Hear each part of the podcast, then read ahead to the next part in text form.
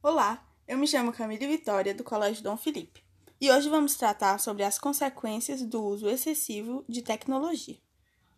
Como nós sabemos, a tecnologia tem se tornado cada vez mais presente nas nossas vidas, tanto como entretenimento, ajuda, ferramentas de trabalho e etc. Mas até que ponto ela deixa de nos ajudar e passa a se tornar um problema sério, um obstáculo? Para esse debate, vamos chamar as alunas Maria Zilma e Eduarda Mendes, também do Colégio Dom Felipe.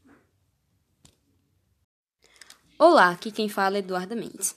De acordo com algumas pesquisas sobre o comportamento humano, a utilização excessiva de equipamentos tecnológicos pode distanciar as pessoas do mundo real. Os abusadores de tecnologia são mais propensos a ter preocupações de saúde subjacentes, como depressão e ansiedade, e muitas vezes possuem comportamento impulsivo. Oi, gente, aqui é a Maria Zilma. E esse comentário que a Maria Eduarda fez é um grande reflexo da realidade atual dos jovens que procuram uma fuga da realidade e na nossa situação de pandemia se torna cada vez mais urgente essa fuga porque tá um caos tudo, né? E então chegam as redes sociais e a tecnologia, que vem se mostrando cada vez mais tóxica e nociva para os adolescentes e para as crianças e para os adultos também, já que virou algo universal no, na situação que a gente está.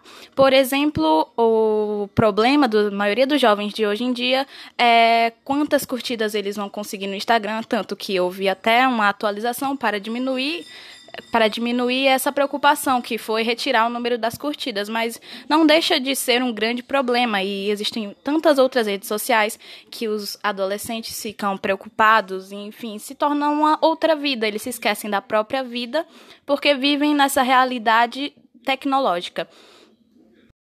Isso é muita verdade. Acho que uma realidade para nós três e muitos outros jovens é que em momentos que precisam de interação social, em alguma festa de família, algum momento assim, nós preferimos ficar no celular, falando umas com as outras, ou então rolando o feed do Instagram, algo assim, bem monótono. E esquecemos das pessoas que estão ao nosso redor, nossas famílias, nossos amigos, e que precisamos realmente dessa interação social que trocamos por tecnologia. Verdade, muitas vezes isso acontece comigo mesmo. No meio de uma festa de família, eu ligo para minhas amigas por chamada de vídeo e é.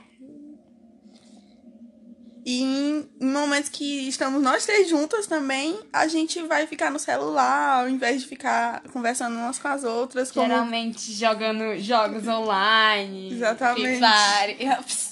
Free Fire. Sou só eu. Mas enfim. Então ele meio que se tornou uma parte da nossa vida agora. A tecnologia deixou de ser algo a mais e se tornou tudo. A gente não sabe mais viver sem tecnologia e não é só para nós, como para todo mundo da atualidade. E isso causa muitos malefícios, por exemplo, físicos e mentais, como a Duda tinha dito antes, sobre a ansiedade e a depressão. Exatamente, muitos adolescentes sentem dores nas costas, dores de cabeça, insônia. E justamente por passar o dia assistindo aula, geralmente por não ter um lugar adequado, ficar no sofá, na cama. Na rede. Na rede também. e no celular, causa muita dor nas costas, dor de cabeça quase todo dia. É. Se torna meio inviável também de você ir checar no médico, né? Porque tá todo mundo com medo de ir pros hospitais, enfim, por conta do vírus. Eu, por exemplo, morro de medo de ir pro hospital. Já me ofereceram umas três vezes, mas eu nunca vou. Não sei vocês. Sim, se junta esses dois problemas, fica bem tenso. É verdade.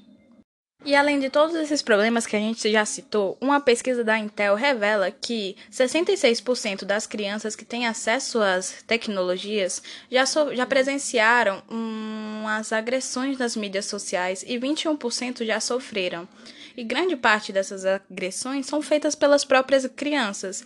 14% dizem que admitem que falaram mal de uma pessoa para outra pessoa em específico e 13% admitiram que já falaram mal da aparência de alguém. Por isso é essencial a atenção dos pais aos que, ao que as suas crianças estão fazendo na internet, porque, além disso, outra pesquisa afirma que 20% dos pedófilos começam a fazer o primeiro contato com a criança pelas internets. E é isso mesmo. Sobre isso, concluímos que devemos ter muito cuidado com o uso excessivo da internet, não só pela gente, mas pelos outros. Tipo, quem nunca recebeu uma mensagem de um completo estranho na sua DM e sabe-se lá o que ele gostaria, né? Do jeito que estamos hoje em dia é bem complicado, é muito perigoso. Estranhos de outros países oferecendo algumas coisas para você mandar outros para eles. E conseguindo o seu íntimas. número aleatoriamente, sabe? Você não entende como a pessoa conseguiu o seu número. É, isso é, isso é bastante perigoso, é algo a se pensar. E acontece tanto com a gente adolescente ou adulto e quem dirá com as crianças que têm acesso à tecnologia. Por isso é sempre importante ficar sempre atento e não deixar a tecnologia dominar a gente, já que é para ser uma ferramenta que a gente domine. E assim a gente vai finalizar o nosso podcast. Obrigada por nos ouvirem. Esse foi um podcast proporcionado pelas alunas do Colégio Dom Felipe, Camila Vitória, Maria Zilma e Eduarda Mendes. Falem um tchau. Tchau. Tchau.